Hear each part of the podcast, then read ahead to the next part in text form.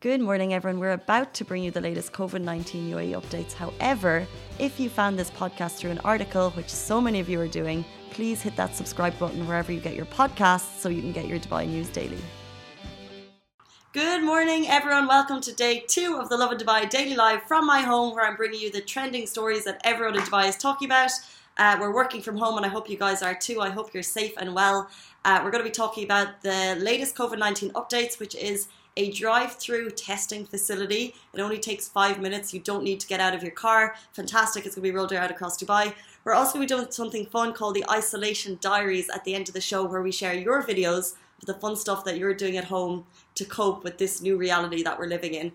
Uh, but first of all, the story I want to run through quickly is an update on a story yesterday. So over the weekend, um, the UAE brought in new rules. Excuse me, the UAE brought in new rules, uh, which would between fines of 1,000 and 50,000 dirham uh, to battle the spread of COVID 19, all to safeguard our public health. And I think it's uh, worth noting that every new rule brought in is to battle the spread of this virus that we're all trying to battle together. Um, however, there was a question mark over one of the fines because one of the fines said 1,000 dirham for uh, wearing a mask indoors, and it wasn't, uh, people were unsure. There was a lot of questions. So, WAM, which is the UAE government uh, news agency, they have issued a clarification, a detailed clarification, which gives you your answer. So, will you get a thousand dirham fine for wearing a mask indoors? The answer is no, unless you're ill and you're not wearing a mask. Uh, so, the official response is a thousand dirham fine for not wearing medical masks indoors by individuals suffering uh, from chronic diseases and those showing cold and flu symptoms, or if you're maintaining, uh, if you're failing to maintain social distancing. So if you're not following the social distance guidelines and you're not wearing a mask, then you could be fined. So uh, we did post this yesterday, and a lot of you, um, there was an interesting response online because people said that already supermarkets are uh, enforcing this 1,000 dirham law for masks. Uh, so um, if I'm just going to go through some of your comments here. Uh, some said that they're you're arriving at supermarkets and there's already uh, a fine for not wearing masks. But the official clarification from the government is unless you're ill, um, suffering from a disease, or you're ma- failing to maintain social distancing, uh, then you won't be fined.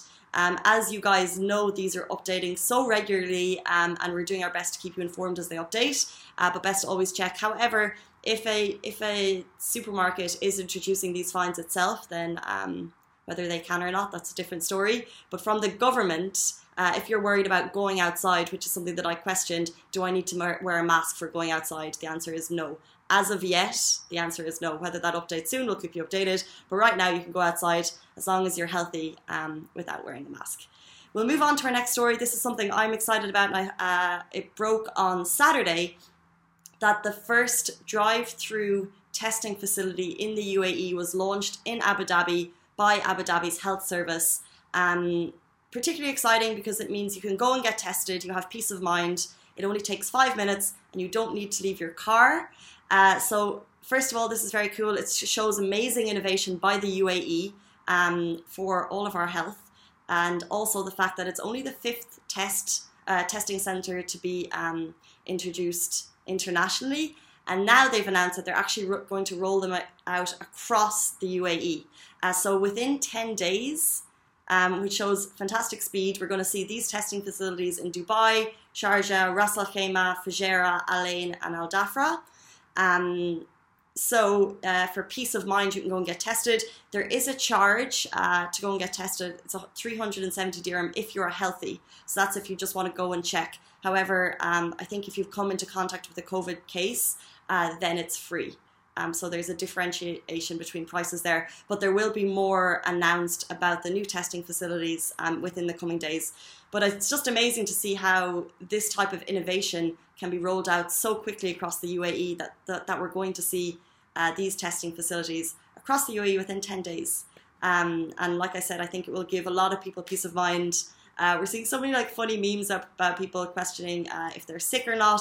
It can be a very anxious time for some people if you have a cough and I think um, this will help you if you're able to go and get it tested. And also the fact that you may not want to go and get tested because you don't want to go into harm's way by going into a hospital, especially if you don't have an essential case. However, this means you can drive, you're very comfortable waiting in your own car, you feel safe.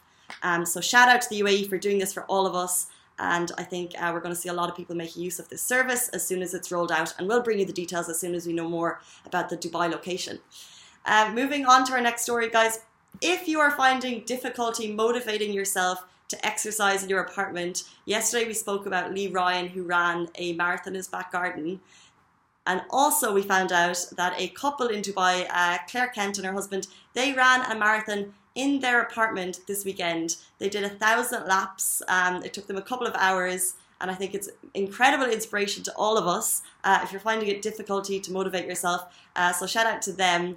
And that brings me to our isolation diaries. So, uh, a lot of us are living at home at the moment, self quarantining, self isolating, uh, self isolating. Um, so, what we can do in this time, what uh, we did yesterday is we put a call out on our Instagram story saying if you are uh, self isolating at all, um, and if you're doing something fun, please share your videos with us. Uh, and we've seen a couple, I think just people are kind of going crazy, but in like the funniest ways. Uh, some um, Maria sent us a video of herself rollerblading, and then she said she went to Italy because she's got like this massive photo of Italy in her apartment, which is really cool. But I want to share this video beside me. Uh, we'll try and get the sound up. Um, this is oh sorry, that was Lexi of Arabia who shared the ro- uh, rollerblading video, and Maria uh, shared this. Um, cycling one. Let's play it beside us if we can get the sound up because it shows how excited they are about cycling.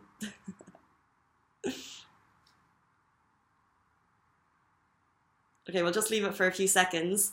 Uh, but that is kind of the level of fun that people are having in their apartments. We're calling it the Isolation Diaries, and we'd love to see your videos.